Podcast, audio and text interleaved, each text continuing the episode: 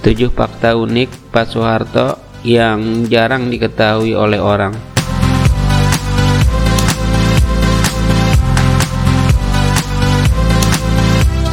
Soeharto merupakan presiden kedua Republik Indonesia.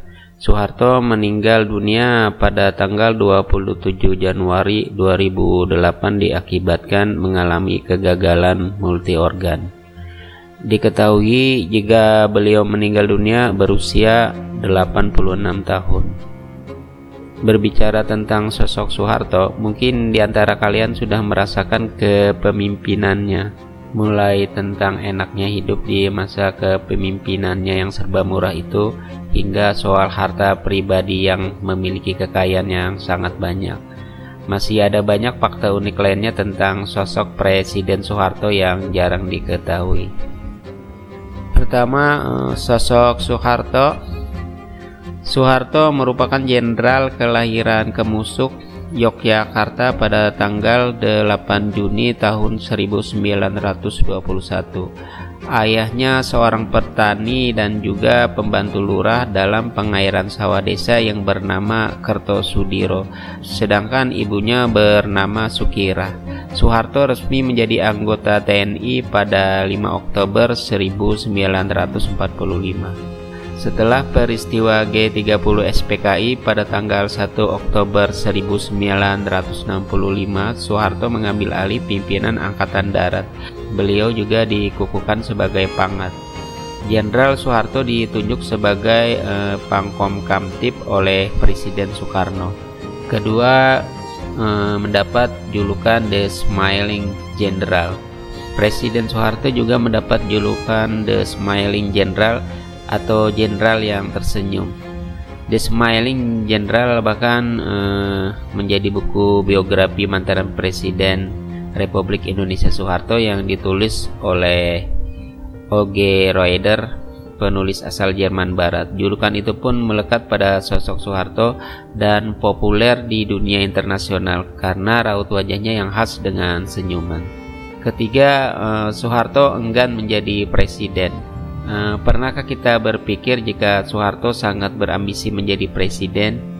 E, buktinya begitu Bung Karno lengser ia pun cepat-cepat dilantik menjadi kepala negara. Mungkin kesannya sangat ambisius, tapi justru Soeharto sempat mengatakan jika dirinya enggan menjadi presiden. Kabarnya memang beliau enggan menyematkan gelar presiden kepada dirinya, kendati demikian beliau mau untuk menjalankan tugas kepresidenan.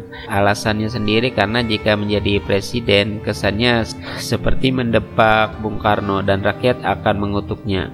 Soeharto tetap dengan prinsip hingga pada akhirnya ia ditempatkan pada posisi harus menjadi presiden. Kemudian beliau akhirnya dilantik menjadi presiden kedua Republik Indonesia. Uniknya, meskipun sempat tak mau jadi presiden, ia menjadi seorang presiden yang menjabat paling lama yaitu 32 tahun. Keempat, Tanzania pernah tak akui Soeharto sebagai presiden.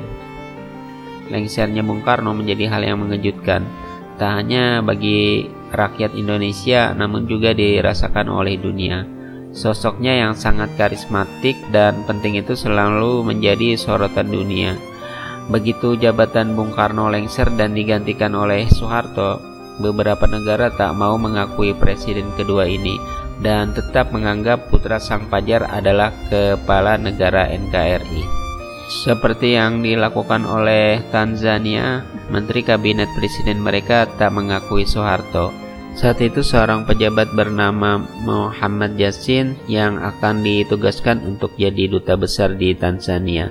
Tapi ia ditolak mentah-mentah e, lantaran surat pengantarnya ditandatangani oleh Soeharto, bukan Soekarno. Yasin sudah menjelaskan jika e, terjadi pergantian presiden, namun pihak Tanzania bersikukuh menolak Soeharto. Hingga akhirnya setelah proses birokrasi yang rumit, Yasin pun bisa bertugas. Kelima, eh, menantang si Sylvester Stallone. Soeharto dikabarkan sempat menantang si Rembo alias Sylvester Stallone, bukan untuk berduel atau tembak-tembakan, tapi untuk bermain golf.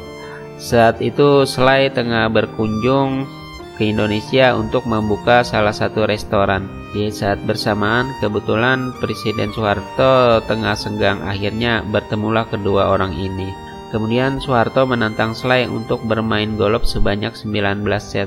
Lucunya, meskipun saat itu sang presiden kedua ini sudah lumayan ujur, tapi ia mengalahkan Stelon dengan telak. Sang Rambo ini pun mengakui kehebatan Pak Harto. Kemudian dari mulutnya terlontar satu pujian, "You are the best player." So, Tak hanya hobi memancing dan menembak, Soeharto juga sangat menggemari cerutu.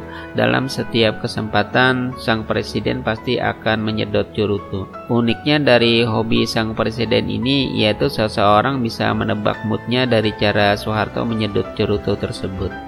Menurut Jenderal Rudini, seorang mantan kepala staf Angkatan Darat yang juga jadi teman dekat Soeharto, Ketika sang presiden menyedot cerutu sambil jalan mondar-mandir, maka ia sedang dalam mood yang bagus. Sebaliknya, ketika Soeharto menyedot cerutu sambil menunjukkan muka tak menyenangkan, maka ia sedang dalam kondisi yang tidak bersahabat.